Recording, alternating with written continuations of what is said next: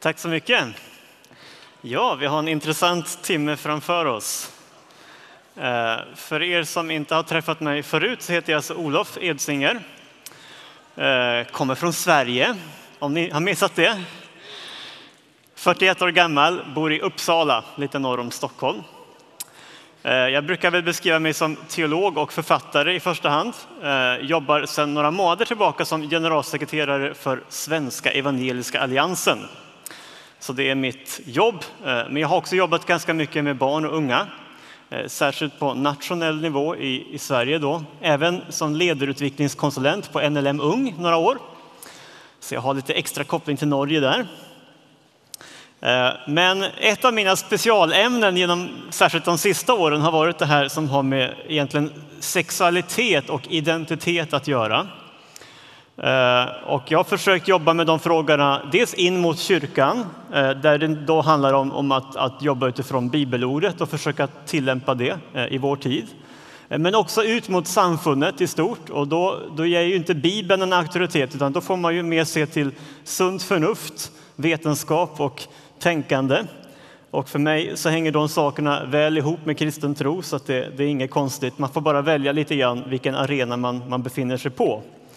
Eh, bland annat så var jag då med och startade ett nätverk för samlevnadsfrågor eh, och hur man talar om sex och samlevnad i skolans värld. Eh, och det var också då jag kom in på det som är temat för det här seminariet. Queer-tänkande, jag tror att ni säger shave på, på, på norska, kan det stämma? Queer är det engelska uttrycket, i Sverige använder vi det. Normkritik är också ett vanligt begrepp här som vi kommer att komma in på. Eh, och en av de första saker som vi gjorde i det här nätverket det var att kolla igenom de skolmaterial som används i Sverige just på temat eh, sex och samlevnad. Eh, och vi fann en del ganska skrämmande saker tycker vi. En sak är att samlevnad konsekvent togs upp som någonting utomäktenskapligt. Av alla de fyra huvudmaterial som vi kollade på så nämnde inget av dem att man kan ha sex inom ett äktenskap. Ehm, självklart så förutsätts ju det, men, men faktum är att man aldrig nämnde att sex kan förekomma i ett äktenskap, utan man talar bara om sex som någonting i största allmänhet. Förväntar sig att alla 15-åringar eh, och uppåt egentligen antingen har en sexuell praktik eller snart kommer få det. Och som jag sa i mitt förra seminarium är det en sanning med modifikation. Eh, visserligen är genomsnittsåldern för sexuell debut 16 år ungefär, brukar man säga. Men då har man tagit bort ungefär en tredjedel av alla de som faktiskt inte debuterar sexuellt innan de fyller 20.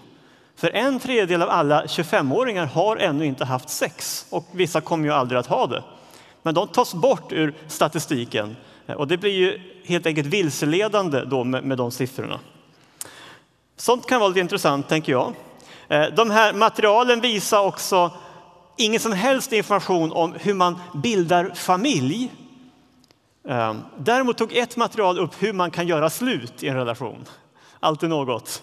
Men det känns ju lite dystert på något vis. Ehm, och man berörde inte heller alls biologin kopplat till det här med graviditet, förlossning. Ehm, nej, det, det tog man bort ur samlevnadsämnet helt och hållet. Så mycket man kan tycka borde finnas där fanns inte där. Men en sak som verkligen var tydlig i de här nya materialen i Sverige Eh, var normkritiken. Och jag ska ge några exempel på hur det kunde uttryckas. Eh, Natur och kultur, ett stort förlag i Sverige, jag vet inte om ni känner till det här, men de säger så här. Eh, ja, först inleder de hela sitt avsnitt om sex och samlevnad med en bild på ett lesbiskt par som kysser varandra och ett gaypar som håller varandra i handen. Det är som man inleder, inleder sex och samlevnadsämnet. Och så säger man så här. Fortfarande finns det dock ett starkt dominerande synsätt i samhället gällande hur man ska vara och hur man ska leva. Det förutsätts ofta att du ska älska någon av det andra könet och vilja bilda familj bestående av mamma, pappa och barn. Det brukar kallas för heteronormen. Där har vi första uttrycket för normkritik. Heteronormen är någonting mycket negativt i det här sättet att tänka. Glerups, ett annat förlag, skriver så här. Trots upplysning och lagstiftning befästs fortfarande heteronormen i samhället. Samfundet skulle ni säga. Eh, men för, man förutsätts vara heterosexuell tills man öppet visar eller berättar att man har en annan sexuell läggning. Föräldrar kan förutsätta att barnen växer upp och bildar heterosexuella kärnfamiljer. En gynekolog kan fråga en kvinnlig patient när hon senast hade samlag och erbjuda henne p-piller utan tanke på att patienten kanske är lesbisk. Bonniers förlag, fortfarande sex och samlevnad, de hämtar inspiration från djurvärlden. Ibland påstås det att det finns en typ av sexualitet som är mer biologiskt naturlig än en annan. Men vid studier av högre stående djur och framför allt våra närmaste släktingar bland människoaporna visar det sig att dessa ägnar sig åt sexuella handlingar som riktar sig till såväl det egna som det motsatta könet. Och på nästa sida, frågan är om det alls är eftersträvansvärt att vara normal. Sista exemplet. Det här är de fyra största materialen i Sverige. De relativiserar kärleksnormen, Liber förlag. Är det viktigt för dig att kärlek och sex hänger ihop så är det viktigt att du håller dig till det. Men är det inte viktigt att du, har du rätt att ha sex utan att vara kär? Det gäller att hitta sina egna vägar. Jag brukar fundera på hur många tonårsföräldrar tycker det är angeläget för skolan att undervisa deras barn att man inte behöver vara kär i den man ligger med. Det är ganska få även utanför kyrkan, men det ser de här materialen som sin uppgift. Ehm, och jag minns inte jättemycket från sex och samlevnadsundervisningen från min gymnasietid, vidaregående skola heter det väl här. Ehm, men eh, jag är helt säker på att man aldrig så här aktivt gick emot den så kallade heteronormen, alltså att de allra flesta människor är heterosexuella tills man på något vis tydligt säger att man är någonting annat. Eller kärleksnormen ännu mindre, att det faktiskt är både sunt och bra att man är kär i den man har sex med. Eh, den normen tror jag var ganska naturlig så att säga, också på, på min tid i gymnasiet. Men vi skrev om det här eh, i, i, en rapport och fick visst genomslag för det i Sverige. Eh, och utifrån det blev jag lite triggad att se ja, men vad är det här egentligen, den här normkritiken. Vad finns det mer att upptäcka bakom det ordet? Vad står de här sakerna för? Och då skrev jag en bok som finns på bokbordet till en billig penning om, om ni är intresserade. När minoriteten tar majoriteten som gisslan. Eh, och mycket av det jag kommer att säga här idag är också hämtat och kopplat till den boken. Eh, för det som har blivit tydligt för mig då, det är att eh, den normkritiska pedagogiken, jag ska snart förklara vad den innebär, eh, men den markerar en helt ny era i hur vårt samfund talar både om identitet och sexualitet. Eh, det finns ganska radikala teorier i bakgrunden till, till normkritiken. Eh, och mycket av det som för bara kanske tio år sedan var väldigt kontroversiellt har blivit mainstream i princip, i alla fall i Sverige och stora delar av, av västvärlden. Om man kan bara göra ett litet enkelt svep rent idéhistoriskt hur, hur de här frågorna har utvecklats under 1900-talet eh, så kan man se till den kvinnorörelse som uppstod för ja, drygt 100 år sedan, då, förra, förra sekelskiftet eh, då kämpade man för lika rätt för män och kvinnor, till exempel att alla skulle ha rätt att rösta. Och det gjorde man utifrån att män och kvinnor är olika, men vi bör ha samma rättigheter. Eller hur? Det var den tidiga kvinnorörelsen. Många kristna var ju involverade i den och många, inte minst frikyrkor och väckelserörelser var ju föregångare kring demokrati och också kvinnlig rösträtt. Eh, men det var den kvinnorörelsen. Sen kom det man kallar för andra vågens feminism den uppstod på 60-70-talet och där lanserade man bland annat tanken på könet, eh, det sociala könet, genus, som en social konstruktion. Alltså till exempel våra könsroller, att det är något som är socialt konstruerat. Eh, man kan ju gå olika långt där. Många kristna skulle definitivt hålla med om det, i alla fall idag. Eh, även om, om det finns olika skolor kring, det också. Det som är viktigt att se är att queer-tänkandet shave-tänkandet eh, och mycket också av dagens feminism, i alla fall i Sverige, betraktar alltså både det biologiska könet och det sociala könet som en konstruktion. Alltså även ditt biologiska kön är någonting som du själv bestämmer vad du är. Det är någonting helt nytt. Det har inte förekommit tidigare i, historien. Um, så på queertänkarens sida så talar man om könsidentiteten, manligt, kvinnligt, någonting helt flytande. Ehm, det är upp till var och en att definiera sin sexuella läggning. Ehm, och då finns det ju inte heller någon anledning att blanda in till exempel läkare eller psykologer i det här, för att det är ju jag som bestämmer vem jag tycker att jag är. Eh, ingen annan har något mandat att uttala sig i den frågan. Och jag ska ge något exempel på det också här framöver. Men det här kan vara bara som en slags inledning till vad är det nya? Det vi aldrig har sett tidigare i mänsklighetens historia. Queertänkandet står för mycket av det. En känd svensk socialantropolog, Fanny Ambjörnsson, hon skriver så här om queer.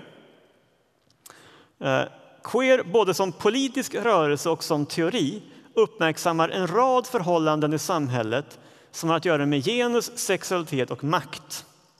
Men istället för att söka upprättelse och tolerans för de personer som oftast diskrimineras på grund av sin sexuella preferens eller identitet riktar queer strålkastarljuset mot det påstått normala.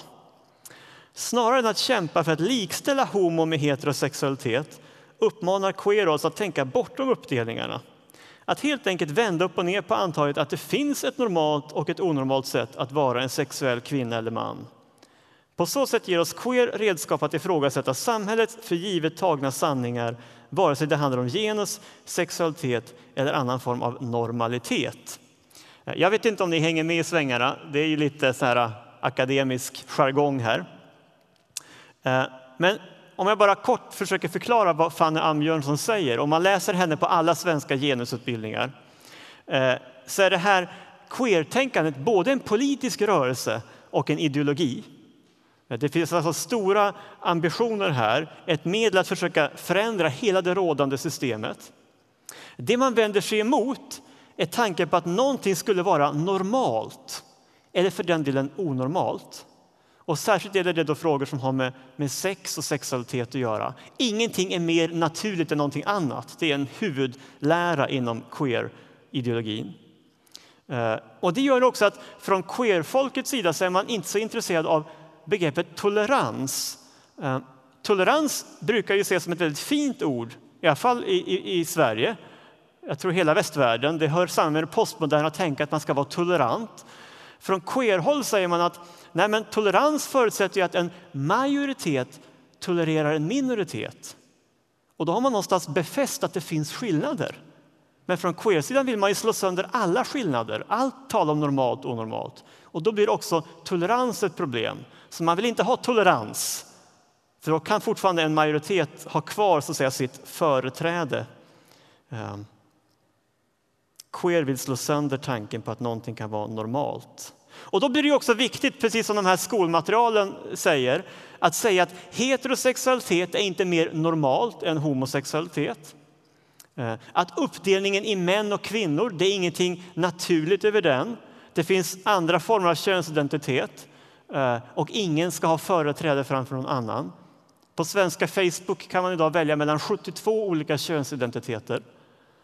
Eh, och om man inte är särskilt insatt i det här så är det svårt att komma på fler än ett par, tre stycken skulle jag nog säga. Men 72 finns att välja mellan på svenska Facebook. Jag antar att Norge har rätt många också. Eh, men det blir också andra typer av normer som man ifrågasätter. Jag nämnde kärleksnormen, att kärlek och sex bör hänga ihop. Eh, det gör ju också att man sexualiserar ju alla relationer. Om jag inte behöver vara kär i den person jag ligger med och det inte behöver ha, vara ett visst kön på den jag ligger med så blir ju alla som inte är upptagna potentiella sexpartners, eller hur? En kompis som jag står nära, även om vi är av samma kön, även om vi inte är kära, men vi kanske är lite sugna på, på att ha sex. Ja, men då kör. Det är det man säger från det här tänkandet. Och jag tror ni känner igen det från ganska mycket av dagens ungdomskultur. Eh. Rent allmänt, känner ni igen det jag talar om? Är det här liksom är, ni, är, är det så här, lite grann så här även här hos er? Jag tror vi har kommit längre i Sverige, men, men jag tror att trenderna är ungefär de samma. Några nickar. Ja, vi får väl se vad vi, vad vi kommer fram till. Det som präglar Sverige kopplat till de här trenderna det är att vi har också ett starkt tryck från flera statliga myndigheter att jobba med de här sakerna. Eh, Skolverket Eh, diskrimineringsombudsmannen, Folkhälsomyndigheten, eh, Myndigheten för ungdoms civilsamhällsfrågor. Alla de driver på kring normkritiskt tänkande. Eh, ett konkret exempel jag tänkte ge er kommer från materialet Lika rättigheter i förskolan, Barnehagen, som kom 2015 i en reviderad upplaga från Diskrimineringsombudsmannen. Här riktar man sig då till pedagoger i den svenska barnehagen. Eh, och bland råden som de här pedagogerna får så ska jag ge er tre exempel som illustrerar rätt väl det här tänkandet. Om ni planerar aktiviteter i flick och pojkgrupper, jente och guttgrupper, tänk över syftet. Var medveten om att det kan bidra till att upprätthålla och befästa tvåkönsnormen och innebära en risk för att barn upplever arbetssättet som missgynnande och kränkande. Se till att det finns könsneutrala toaletter så att barnen inte måste välja mellan flick och pojktoaletten. Eh, när jag läser det här så tänker jag att, att, det kan säkert finnas situationer då det är onödigt att liksom dela upp barnen efter kön mer än nödvändigt. så att säga. Eh, men, men det är inte egentligen det som är poängen här. Poängen här är att man vill slå sönder tvåkönsnormen. Alltså tanken på att huvuddelen av befolkningen är män och kvinnor. Eh, sen hör det till ironierna att, att de flesta toaletter på, på barnehagen de är ju könsneutrala redan. Man brukar inte ha pojk och flicktoa på barnehagen. Men det har de här inte ens kollat upp. De är så inne på sitt spår att vi ska ändra normerna i Barnehagen. Eh, och i det här fallet, man vill inte ge en fyraåring den kontroversiella uppfattningen att det kön han eller hon har säger någonting om vem han eller hon är. Det är det man vill från queer-håll få bort redan från unga år. Ska man programmera om en befolkning ska man ju börja tidigt. Därför är barnehagen väldigt viktig naturligtvis. Men vi läser vidare vad svenska staten har att säga. Förskolan kan främja barns lika rättigheter och möjligheter oavsett sexuell läggning genom att se till att frågor som rör homo, bi och heterosexualitet på ett likvärdigt sätt blir behandlade och integrerade i verksamheten. Att synliggöra och bejaka olika familjekonstellationer är en förutsättning för varje barn att kunna känna stolthet över sin familj och en förutsättning för att föräldrar ska kunna känna tillit till förskolan, barnehagen alltså. En konkret insats är att se till att förskolan har barnböcker om regnbågsfamiljer. Jag tycker alltid det är spännande med, med detaljer i språket. Eh, och här tycker jag vi har en del sådana detaljer. Det står att Eh, man ska se till att frågor som rör homo, bi och heterosexualitet, och vi kan börja med att notera ordningen, homo, bi och heterosexualitet, på ett likvärdigt sätt blir behandlade och integrerade i verksamheten. Vad innebär det egentligen? Att det likvärdigt ska integreras? Det måste rimligen innebära att varannan gång när du talar om mamma och pappa ska du istället tala om pappa och pappa. Då har du på ett likvärdigt sätt integrerat eh, de här perspektiven. Eller mamma och mamma. Ehm, då blir det plötsligt en ganska stor sak om man tar Diskrimineringsombudsmannen på orden. Ehm. Sen kan man ha lite olika åsikter om det här med regnbågsfamiljer och böcker om dem. Regnbågsfamilj i alla fall i svensk kontext är ju en familj som är inte traditionell mamma, pappa, barn. Oftast handlar det om eh, homosexuella relationer, men det kan också vara, vara lite andra konstellationer. Eh, jag kan tänka att det faktiskt kan vara motiverat, till exempel om du har barn från regnbågsfamiljer i er barnehage, att på något vis se dem och bekräfta dem i den familjekonstellationen. Kanske genom att läsa en, en bok om, om en sån familj. Eh, från min horisont kan, kan det vara befogat. Men när det inte finns några sådana konstellationer, att aktivt så att säga, lära barn att det finns ingenting sånt som en normal familj. Det finns ingen särställning hos konstellationen mamma, pappa, barn. För mig är det en social ingenjörskonst som går långt utöver vad jag tycker är rimlig. Vi kan tänka olika där, men oavsett vad vi tycker så är det här ett uttryck för queer-tänkande. Sista tipset från svenska staten. Personalen bör se över om verksamheten präglas av heteronormen, det vill säga att utgångspunkten är att människor är heterosexuella. En främjande insats är till exempel att inte spekulera i om Kajsa och Mustafa, tre år, fattat tycke för varandra och är ett blivande par. Än en gång kan man säga att ja, det är kanske är onödigt att spekulera vem som ska bli tillsammans med vem, särskilt bland treåringarna. Eh, men det är inte det som är frågan här. Här är frågan heteronormen. Du får alltså inte låtsas om att din treåriga pojke skulle kunna ha anledning att bli kär i en annan flicka. För då befäster du heteronormen. Och då märker vi att då börjar det här beröra ganska grundläggande frågor. Ehm, och jag ser med stor oro på det som sker i svensk förskola just nu. Det här gäller förstås också längre upp i åldrarna och jag vill ge ett till exempel från något som heter Lärarnas riksförbunds studerandeförening. Det är den fackliga organisationen som organiserar våra blivande lärare. Och de gav ut en manual eh, också ungefär samma veva som den här andra som heter Det öppna klassrummet. Eh, och de har en rubrik som heter Fem tips för att arbeta normkritiskt. Och där finns den här uppmaningen. Förutsätt inte kön och sexualitet, tala könsneutralt. Och det första stycket lyder så här. Alla elever är inte bekväma med att omnämnas som sitt tilldelade kön. Så tänk på att använda deras förnamn istället för att slentrianmässigt kalla dem grabbar och tjejer. Gutter och jenter. Lika slentrianmässigt säger många lärare mamma och pappa när de ber elever fråga sina vårdnadshavare något eller när en blankett ska hem och skrivas under. Det är inte svårt att istället använda ord som vuxen eller för den delen den nyss nämnda vårdnadshavare. Påminn era vuxna om att det blir föräldramöte på tisdag. Även här kan man säkert tänka olika, men jag ser en ganska avancerad form av social ingenjörskonst i det här. Man vill alltså avköna hela klassrumsmiljön. Man får aldrig tala om det biologiska könet som någonting naturligt i den miljön. Eh, man får inte säga till tio gutter framför sig på byggnadsgymnasiet, hej grabbar, för någon kanske definierar sig som tjej fast det inte syns på utsidan. Eh, man får inte tala om mamma och pappa där hemma som mamma och pappa, utan de är mina vuxna, som någon slags random vuxna i mitt liv. Eh, det kan ju vara så att jag vill att mamma och pappa ska kallas för mamma och pappa. Att det betyder någonting för mig, att, att det erkänns att de är faktiskt mina föräldrar. Det är inte bara vilka vuxna som helst. Um, och det här jag faktiskt, när jag skrev den här boken, när minoriteten tar majoriteten som gisslan, så var det bland annat utifrån den här bakgrunden. Att um, någonstans en väldigt liten minoritet kommer med önskemål här som faktiskt får negativa konsekvenser, som jag ser det, för majoriteten. Eh, när den lilla minoritetens önskemål ska styra hur alla andra till och med ska prata i, i, i skolans värld.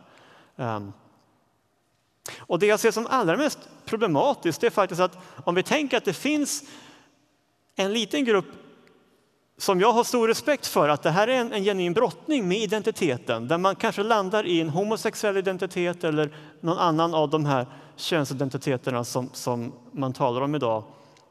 Eh, det kan ju vara en ganska tuff resa. Eh, och som sagt, jag har stor respekt för att den kan vara tuff. Problemet jag ser med queer-tänkandet är att man nästan tvingar alla att göra samma resa. För ingen får ta för givet att jag är det jag ser ut att vara när jag tittar mig själv i spegeln. Ingen får ta för givet att jag är heterosexuell. Att jag som kille kommer sannolikt bli kär i en tjej om jag blir kär i någon. Eh, utan allt tas ifrån alla. Alla så säga, är som ett vitt ark papper och ska upptäcka allting själv. Jag tror att det kommer bli en väldigt jobbig resa, helt i onödan för många. Och att många unga inte minst kommer att experimentera. Eh, och jag såg statistik från förra året på ungdomar i Sverige att bisexualitet har ju ökat ganska rejält i hur man definierar sig själv som bisexuell. Eh, och den grupp som definierar sig som sådana är allra störst i tonåren. Sen är det så att efter tonåren så är det färre igen som definierar sig som bisexuella. Och det jag tror är, i tonåren så har man en period av identitetssökande där man kanske prövar sig fram lite grann. Men efter ett tag så landar man i att nej, men jag var nog i det här fallet kanske heterosexuell. Eh, med queertänkande så uppmuntras många att experimentera mer än de skulle ha behövt. Och klart, har du haft fem pojkvänner och fem flickvänner så har du ganska många erfarenheter sen där du kanske inte är så stolt över alla när du blir lite äldre. Eh, men det är något som uppmuntras eh, i vår tid och det ser jag som väldigt bekymmersamt. Jag tror att det påverkar många ungas psykiska välbefinnande. Eh, sen är det också att queer är ett ganska svårhanterbart fenomen. Om vi tar än en gång skolans värld, det är det jag har studerat mest. Ehm, och jag ska ge ett exempel från andra sidan Atlanten. Den eh, kanadensiska delstaten Alberta som gav ut en, en manual förra året. Eh, guidelines for best practices. Eh, som tar upp då hur man ska kunna hantera sånt här som kön och identitet i skolans värld. Det var ungefär samma riktlinjer som president Obama sen införde för alla skolor i USA. Och det blev ju ramaskri. Eh, 13 delstater stämde amerikanska staten för att man gick in och, styrde på det här sättet. Och det var en av de första saker som Donald Trump sen tog bort, de här direktiven. Och man kan tycka vad man vill om Donald Trump, så gå inte in på den frågan. Men det är ett faktum att det var mycket missnöje och han ändrade på den ordningen. Men nu ska vi läsa Guidelines for Best Practices från Alberta. De börjar med något oerhört anmärkningsvärt skulle jag säga.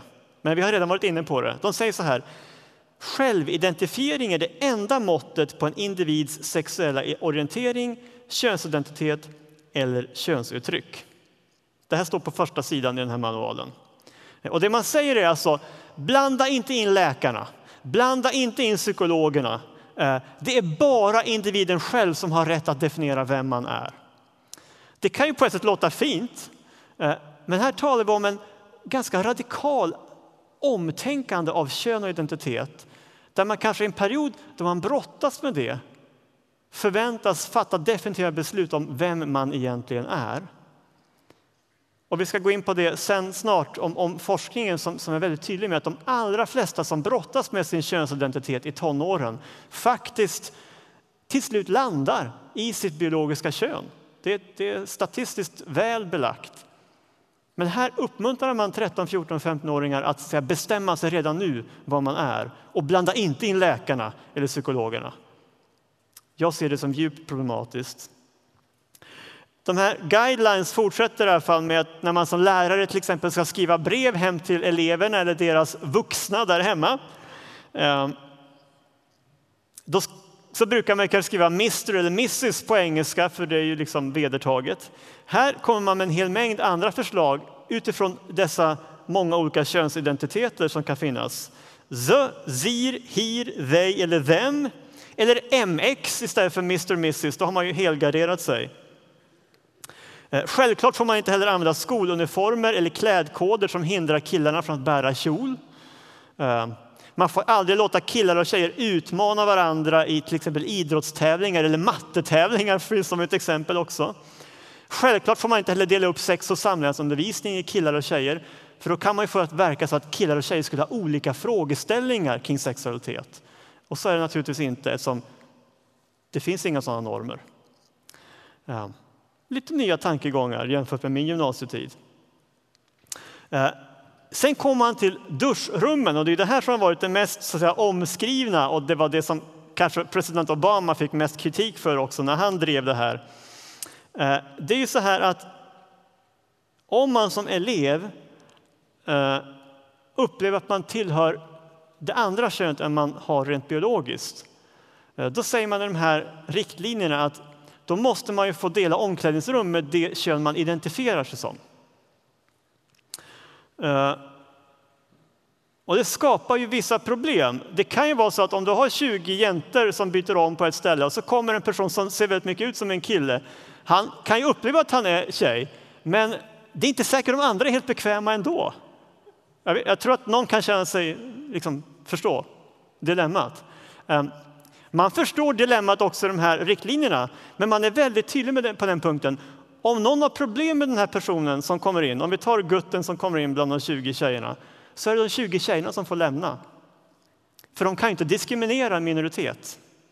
Man är också väldigt tydlig med att om föräldrar där hemma har problem med det här eh, och börjar säga lobba för att deras barn inte ska börja byta om på det här sättet, eh, då är det faktiskt så att eh, det är föräldrarnas problem. Det är deras barn som ska så att säga, straffas, inte den här som vill vill dela omklädningsrum med de andra. Eh, jag pratade faktiskt med hon som är talesperson för de trans, medicinskt transsexuella i Sverige om det här. Och hon sa så här att ja, alltså, vi är en väldigt liten grupp. Eh, vi talar om en på 5 000 ungefär som är medicinskt transsexuella. Och hon sa normalt, vi vill inte slå på stora trumman som vi säger i Sverige om det här. Vi kan lösa det pragmatiskt, byta om på toan och sånt där. Inte behöver vi tränga oss in i, i ett, ett omklädningsrum där, där, man inte så att säga vill ha oss. Ehm, men det här har blivit en politisk fråga där man driver det här för att helt konstruera om synsättet på kön. Ehm, eh, och än en gång så tycker jag det här illustrerar att minoriteten tar majoriteten som gisslan. En mycket liten minoritet som dessutom får hel och full frihet att definiera sig själv dikterar villkoren för hela, hela elevkåren, hela skolan. Ehm, om man gör det helt utan koppling till medicinsk eller psykologisk diagnos. Ehm, könsdysfori är ju en diagnos inom psykiatrin, eller neuro, neurologisk diagnos kan man också kalla det. Och det gäller som sagt ungefär en på 5 000. Man vet inte exakt orsaken till könsdysfori. En teori är att man har fått en, en signal i hjärnan ganska tidigt i graviditeten som gör att man upplever att man är någonting annat, ett annat kön i hjärnan än man har i sin kropp. Men det är bara en av flera teorier. Eh, det man vet är för att det är en ganska liten grupp som, som det här rör. Eh, det hon från den här intresseföreningen för transsexuella sa att vi kan inte vara i samma rum som RFSL. RFSL är ju i den svenska rörelsen för, för eh, framförallt homosexuella. Ehm, för hon sa att de vill göra en ideologi av vårt medicinska tillstånd. Vi ser det här som en medicinsk problematik. Vi har fått en felaktig signal till hjärnan, som, men vi bejakar heteronormen. Vi tycker det är självklart att mänskligheten består av män och kvinnor. Det är bara att just vi passar inte in i den normen. Och det behöver vi få hjälp med att hantera. Men det här att slå sönder normen fullt ut, det har man ingen som helst intresse av. Men det är just det som queer-tänkandet går ut på. Eh, och än en gång ser jag ett problem här i att man sexualiserar den här brottningen, ambivalensen som man kan ha, till exempel i tidiga tonåren, kring sin identitet. Eh, för det visar sig faktiskt att, att det här ofta är övergående. Eh, och jag ska ge en sista statistik på det innan jag tänker om det är någon som har någon fråga kring, kring de här bitarna innan vi går in mer på, på kanske de filosofiska och även kristna så att säga, svaren eller reflektionerna kring, kring de här bitarna. Astrid Lindgrens barnsjukhus eh, har ansvar för, för de här operationerna och könskorrigeringarna i Sverige. Eh, och eh, de säger så här, experterna på Astrid Lindgrens barnsjukhus, att ungefär 7 procent av alla barn kan uppfattas som lite mer pojkaktiga trots att de är tjejer eller flickaktiga trots att de är killar. Eh, så det är en ganska stor grupp som har en period då man lite grann tycks lite grann vara lite, lite man talar om flickpojkar och, och pojkflickor. Eh, men det de säger att det är en mycket liten andel av de här som får diagnosen könsdysfori, för det är någonting mycket mer grundläggande, djupgående. Eh, men inte nog med det, det kanske mest anmärkningsvärda, av de barn som får diagnosen könsdysfori i unga år är det bara 20 procent eh, som efter några år fortfarande kan vara aktuella för en sån här behandling inom vården. Så till och med bland de som har fått diagnosen är det en väldigt liten del som till exempel går vidare med, med korrigerande operationer och, och hormontabletter som ska ändra hormonsammansättningen i kroppen.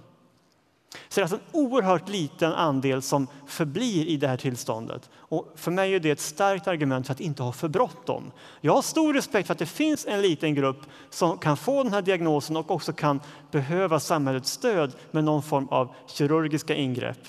Eh, men jag tror att den är väldigt liten och att det är väldigt olyckligt om vi försöker få det att verka som att den gruppen är större än den är. Eh, sen finns det också en, en svensk forskning som, som säger Eh, den har några år på nacken, men, bland de som hade genomgått eh, den här könskorrigerande operationen så var det ändå 20 gånger högre självmordsfrekvens bland de som hade genomgått operation jämfört med vanliga så att säga, svenskar eh, utan någon diagnos. Och det kan man diskutera vad det står för, men, men jag tänker en sak det åtminstone bevisar det är att inte ens en operation löser alla problem. Det är inte så att då blir allt enkelt, utan du har fortfarande kanske rätt mycket att, att jobba med. Och det är 20 gånger högre självmordsfrekvens bland de som har fått ett kirurgiskt ingrepp som bland the average Swede, eller Norwegian antar jag. Så för mig illustrerar också det här att här har vi en ideologi som egentligen inte har på fötterna rent vetenskapligt. Och jag såg en serie på Youtube som jag tycker var en gåva från Norge till oss andra, Hjärnevask. Någon som har sett den? Den finns lätt tillgänglig på Youtube. Fantastiskt intressant. Det är ju Harald Eja och ytterligare någon som, som ehm, eh, de egentligen intervjuar ju experter som de kallas då från svensk gen, eller norsk genusvetenskap som får uttala sig i en mängd olika frågor. Och sen så åker de runt i världen och intervjuar internationella experter från USA, England och liknande. Och den röda tråden i Norge är ju att man totalt förnekar att könet säger någonting om nästan någonting. Eh, det är bara, ja, könet säger väldigt lite. Medan forskarna då internationellt har en helt annan bild. Eh, väldigt belysande program. Och har ni inte sett den så har ni, han är ju dessutom komiker den här Eja, så att eh, det är ganska underhållande. Men, men, han har på fötterna verkligen också utifrån det vetenskapliga. Så, så, för mig har det blivit viktigt att se det att det här har inte de belägg som man, man ofta får att verka rent vetenskapligt. Jag ska säga lite mer om den ideologiska bakgrunden kring det här. Eh, men eh, någon som har någon fråga på det jag sagt hittills? Det är ganska mycket redan. Hur den här gruppen har fått så stort genomslag, eh, trots att den är så liten? Ja, det är dels att det är väldigt mäktiga lobbyorganisationer som driver på. RFSL och RFSU är det ju i Sverige. Eh, och som jag sa, den här medicinskt transsexuella kvinnan, hon eh, menar att de använder deras tillstånd som just en ideologi av det. Man gör en ideologi som handlar om att relativisera könet som då tjänar intressena eh, man vill föra fram. Sen är det ju så här, och jag kommer in lite grann på det, det är väldigt otacksamt i vår tid att argumentera mot en minoritet. Man upplevs nästan som ond bara per automatik om man har så här, ifrågasätter vad en minoritet säger. För att en minoritet uppfattas i vår sociala kontext som förtryckt. Uh, och det gör att av rädsla för att uppfattas och målas ut som, som ond så tiger folk. Och det, då kan det spridas mycket snabbare för att ingen vågar sätta emot. Det är rent krast min analys. För de flesta vanliga icke-troende svenskar köper ju inte det här heller. Uh, Särskilt inte när det börjar drabba deras egna barn. Eh, så att, ehm, jag skrev faktiskt en artikel eh, som kom in i Dagens Nyheter, den största svenska tidningen, eh, om, om det här att vi måste få, få se könet som en tillgång, inte som ett problem att hantera. Och jag lyfte också fram att hela feministrörelsen bygger på att det finns, vadå, kvinnor, eller hur? Utifrån queertänkande finns det ju inga kvinnor. Var och en definierar sig själv. Det är meningslöst med feminism bortom kön. Ehm, och det visar också att det, de här sakerna går ju inte att förena. Men just nu lever de sida vid sida. Ehm, och eh, min poäng var med att artikeln jag fick in i DN, det var röstning med 4 500 som röstade. 81 procent höll med mig. Intressant nog. Ehm, och jag tänker att det är den här tysta majoriteten i den här frågan verkligen. Fler frågor? Ni får gärna utmana mig också. Jag, jag, jag vet att det här är inte enkla frågor. Ja, det var lite svårt att höra, men, men, att, det finns, att det kan vara lite olika erfarenheter som ligger bakom viljan, eller att man inte vill identifiera sig med sitt biologiska kön. Ja, precis. Alltså många som går in medicinsk behandling att byta kön man kan ju inte byta kön. Kön sitter i varje cell. XX och XY-kromosomer finns i precis varenda cell. Så glöm att man kan byta kön. Men man kan korrigera medicinskt och eh, med hormoner.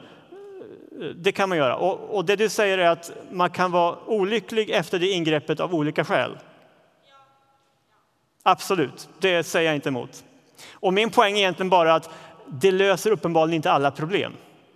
Eh, ibland får man det låta att om ni bara låter den här människan få operera sig, då blir allt frid och fröjd. Forskning och erfarenhet säger motsatsen. Det är inte enkelt efter det heller. Möjligen enklare, men, men långt ifrån alltid enklare heller. Vi kan ta några fråga på slutet också. Jag tänkte säga någonting om den ideologiska bakgrunden. Eh, vi har lite grann nosat på det. Eh, men som jag sa så finns det en politisk och sociologisk teori bakom det här, queer-teori, Eh, som vänder sig mot allt tal om normalitet. Eh, man vänder sig särskilt också mot binära motsatser, binary opposites, alltså manligt, kvinnligt, hetero, homo, normalt, onormalt. Att det bara finns två alternativ, eller huvudalternativ. Det vänder man sig starkt emot. För att man vill ju ha massa alternativ däremellan. Det ligger i hela ideologin. Det flyter. Man vill att det ska flyta. Det finns också vad jag kallar för en marxistisk maktanalys. Den marxistiska maktanalysen går ut på att den som är förtryckt eller i minoritet alltid ska ha företräde. Eh, inte i kraft av sina argument, utan just på grund av sin sociala utsatthet. Så som kvinna har du automatiskt företräde framför en man eftersom mannen anses vara dominerande. Som fattig har du automatiskt företräde framför den rika oavsett om du har rätt i sak eller så. Du är, utifrån att du är fattig har du ett företräde. Det ligger i själva grunden för mycket av marxistiskt tänkande. Eh, som sexuell minoritet har du företräde framför den heterosexuella majoriteten. Så frågan om makt blir helt enkelt viktigare än frågan om sanning. Eh, vem har makt? Alltså vem är i majoritet? Ja, då är det majoriteten som ska misstänkliggöras. Majoriteten kan ju ha goda argument för sin hållning, men just för att den är majoritet så misstänkliggör man den om man upphöjer minoriteterna. Eh, det tror jag har varit en väldigt viktig förklaring till att queertänkandet kunnat få sånt genomslag. Eh, så finns ju också en väldigt grundläggande tanke här om friheten att definiera sig själv. Alltså ingenting ska stå i vägen för ditt identitetsbygge. Allt som du drömmer om, allt som du känner för är sant för dig och du måste få förverkliga det.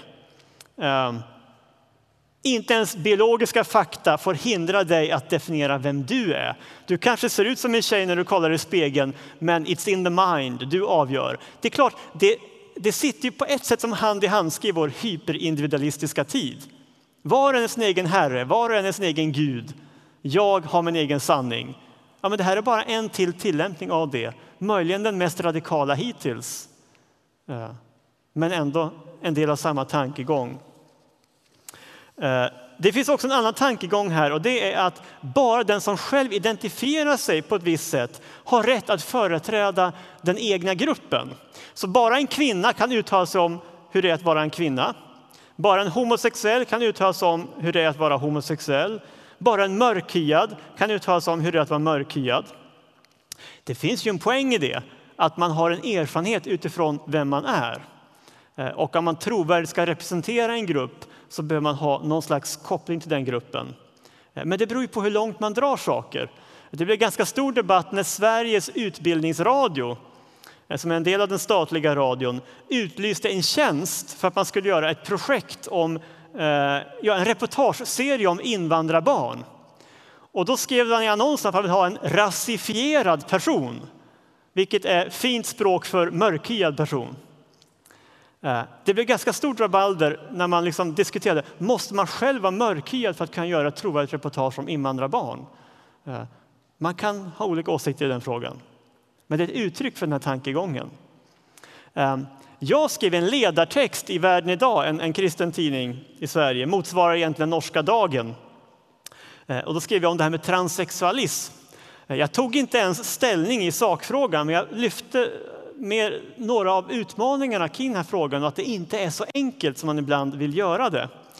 Eh, och följden var att jag fick halva svenska transcommunityt på mig. Det var väldigt många väldigt aggressiva röster som snabbt började skriva på, på Facebook. Eh, och jag sparade några av, deras citat, för jag tycker de är ganska talande för hur det här tänkandet ser ut. Du är inte transperson och du har därmed ingen rätt att, inget att säga om saken. Lämna transfrågan till oss transsexuella.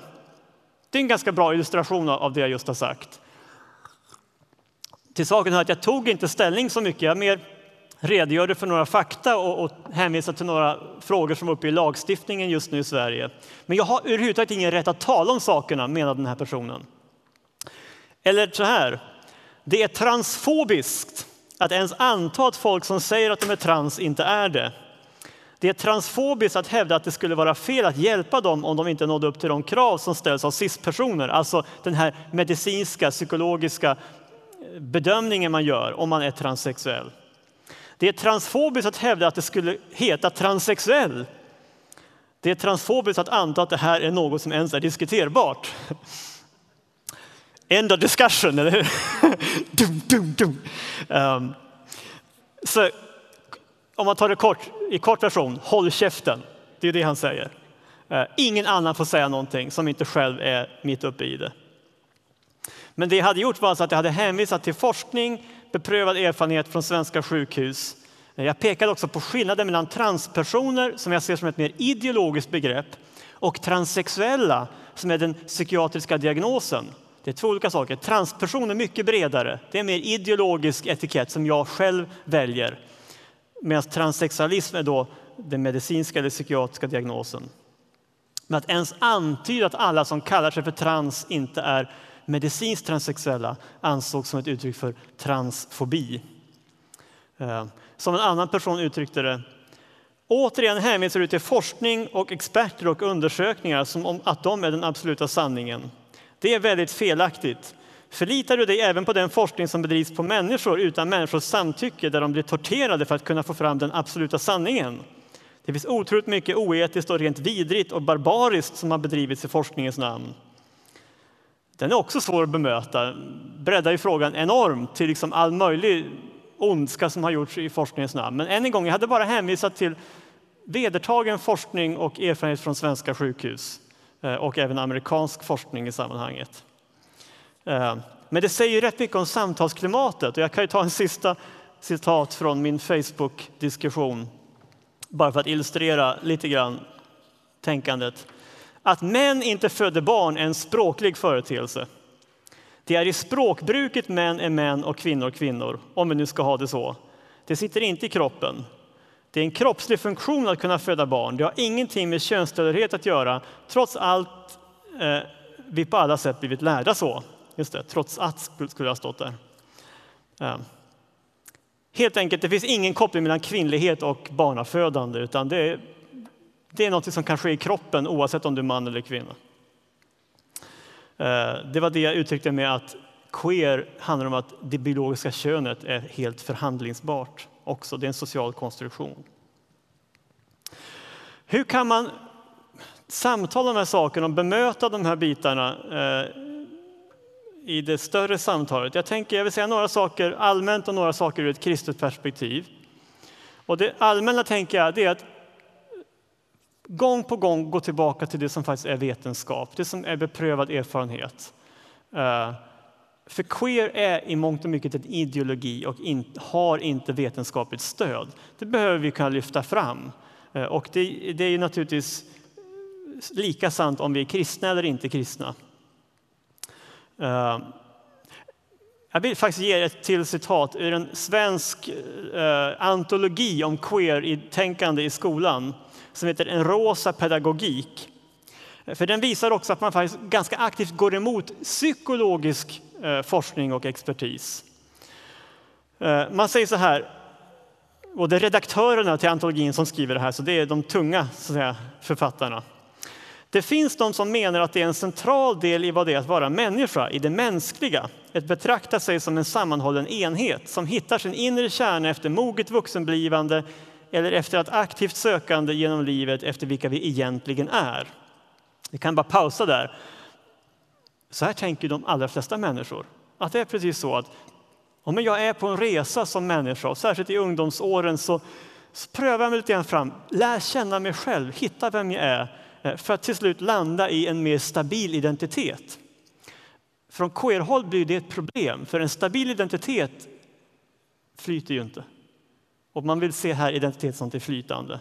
Då säger man så här, problemet är alltså inte bara att det finns två officiella könskategorier, manligt och kvinnligt, utan också att vår förståelse av den egna identiteten bygger på ett förenklat och förgivettaget synsätt om ett stabilt och sammanhållet jag. När de här två tankefigurerna sätts samman blir resultatet att den upplevda könskategorin sammansmälts med identiteten och upplevelsen av ett stabilt jag. Än en gång lite akademisk jargong här. Men det man säger är alltså att det som psykologen under hela 1900-talet har försökt hjälpa människor till, nämligen att få ett stabilt och sammanhållet jag, att få saker att hänga ihop i livet, det är själva fiendebilden. Det är det man vill utradera i befolkningen. Istället, och istället få en, en bild av identiteten som något flytande och formbart. Eh, så man vänder sig både mot tvåkönsnormen, att det i huvudsak är män och kvinnor i den här världen, och också tanken på att mitt jag, min identitet, ska vara stabil. Eh, man säger till mig så här. Det är den här komplexa relationen mellan dessa två problem. Dels problemet med en dikotom förståelse av kön, genus, dels problemet med en förståelse av identiteten som sammanhållen och stabil, som förskolans och skolans jämställdhetsarbete i mångt och mycket handlar om och som gör att jämställdhets och förändringsarbetet stöter på ständigt nya problem. Alltså i klartext, det finns massa föräldrar där ute som inte tycker om att man inte vill att deras barn i barnehagen ska få en stabil och sammanhållen identitet.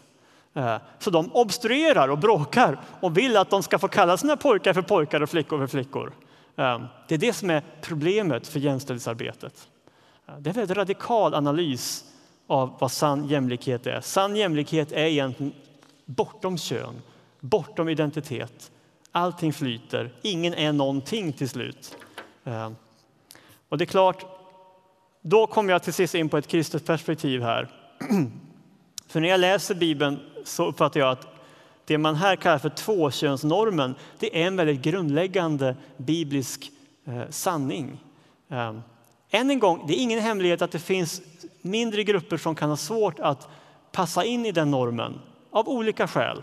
Eh, och de behöver mötas med, med all den respekt de förtjänar. Eh, men grundtanken att manligt och kvinnligt är en del av Guds skapelse och att vara människa, den ser vi redan på Bibelns första sidor. När vi läser skapelseberättelsen inte minst. Ehm, men det gäller också det här med ordningar och normer överhuvudtaget. Ehm, alltså vi tar skapelseberättelsen, vad gör Gud? Han skiljer land och vatten, ljus och mörker. Han skapar djuren efter deras arter. Han skapar en ordning där han vilar på den sjunde dagen. Allt det här talar om att det finns en välsignelse med ordning här. Queertänkandet och skulle jag tillägga den syndiga människan i alla tider har sagt att det är ordningarna som är problemet. Att lösningen är att jag får min egen herre, ta avstånd från Gud och köra mitt race. Det är ursynden. Och jag tycker queer illustrerar väldigt mycket vad ursynden handlar om. Gud bejakar ordningarna och som det står i Första Mosebok direkt efter syndafloden då ger Gud ett löfte. Så länge jorden består ska sådd och skörd, köld och värme, sommar och vinter, dag och natt aldrig upphöra att skifta. Alltså, ordningarna Gud har gett oss de är inte ett hinder för vårt självförverkligande. De är en trygghet för vårt självförverkligande. Ehm, och en tillvaro där allting flyter är faktiskt inte ett paradis enligt Bibeln. Det är ett helvete. Vem kallas för den som sliter isär? Det är ju det grekiska ordet diabolos, djävulen. Alltså när allting flyter, när identiteten slits isär, när ingenting går att lita på, stole på. Det är inte paradiset utifrån en biblisk hållning. En av de svenska författare som har jobbat med den frågan ganska mycket, som ni har även här i Norge, det är Magnus Malm. Jag kan tänka mig att en del av er känner till honom. Han tar just upp det här med, med, med, med Diabolos i en av sina böcker. Och han kallar den här normupplösningen som vi ser eh, i vår tid som en form av gnosticism, som är en, en irrlära som har funnits i kyrkan, vrangläre säger man kanske här, eh, som har funnits i kyrkan i alla tider. Eh, som egentligen betraktar skapelsen som någonting ont. Och Gud, den skapande guden som ond. För skapelsen ses som någonting problematiskt. Det som är verkligt gott enligt gnosticismen det är andligheten, det andliga bortom skapelsen. Och vad är det här att förneka könsskillnaderna om inte just att förakta skapelsen? Ett av många uttryck för det. Och Magnus Malms råd när han talar om gnosticism det är att gå i motsatt riktning. Att upptäcka mina gränser, att försonas med mina gränser. Det är något gott att jag är skapad på det här sättet och att sen också försvara mina gränser från de krafter som vill slita isär. Till sist vill jag bara säga det att ingen människa är helt och hållet hel i sin identitet och inte heller i sin sexuella identitet. På den punkten menar jag att queertänkandet faktiskt har rätt. Ingen av oss kan vara säga mall, ingen av oss är fullkomlig. Jag som heterosexuell man är också skadad i min sexualitet och i min identitet. Ehm, ingen människa är helt och hållet hel. Paulus talar om det så här i Romarbrevet. Vi vet att skapelsen ännu ropar som en födslovåndor och till och med vi som har fått anden som en första gåva. Också vi ropar i vår väntan på att Gud ska göra oss till söner och befria vår kropp. Ja, men vi kan bejaka det, att det finns en trasighet i tillvaron. Men mitt i den trasigheten har Gud uppenbarat för oss vad som är den ursprungliga tanken och vart vi ska gå om vi vill hitta en, en bestående vila i vår identitet. Och så har vi en mindre grupp som kommer landa i en oklar könsidentitet. Det är en väldigt liten grupp, men den finns. En lite större grupp som kommer landa i en eh, identitet kanske som homosexuell eller bisexuell. Eh, de förtjänar vår respekt. Eh, och finns du här som har den brottningen, eh, jag, jag, vill verkligen säga det. Jag, jag, har all respekt för att du kanske också har en tuffare resa med din identitet eh, och att du ska känna dig välkommen också i ett sånt här sammanhang. Eh, men ideologin som man har byggt utifrån de erfarenheterna eh, kan jag inte köpa. Jag tror helt enkelt att normkritiken som strategi missar sitt mål. Eh, jag tror mer på man får säga, vanlig hedlig tolerans. Där vi lär oss att tolerera varandra, acceptera varandra trots våra olikheter. Eh, men inte låtsas som att allting är samma sak. Ja, men det är lite olika och det finns ett naturligt utgångsläge för mänskligheten som bygger på manligt och kvinnligt. Och det är också att hela vår ras, vår fortlevnad bygger på att en majoritet eh, trots allt får ihop det och att vi får nya barn. Och det är bara en manlig och kvinnlig könscell som kan åstadkomma det i förening. Den skapelsekoden kan vi liksom inte trolla bort. Så jag tror att vi, vi, vi lurar oss själva när vi försöker göra det. Ehm, så det här fick vara en, en liten introduktion till queer-tänkandet. Jag har varit ganska tydlig med vad jag ser som problem där. Eh, det finns saker man kan diskutera kring det. Eh, kom gärna och tala med mig i pausen. Vill ni fördjupa er så, så finns ju boken eh, på svenska. Men ni har ju kunnat lyssna på mig så då kanske ni kan läsa också. Vill ni läsa på norska har jag en bok som jag ska tala om imorgon kring krigen i Gamla testamentet. Det är ett helt annat ämne, men som också kan vara ganska svårt. Och det finns då på norska sedan några månader tillbaka. Men det finns på bokbordet här nere. Men prata gärna med mig om något av det här eller något helt annat. Så sätter vi punkt där. Tack!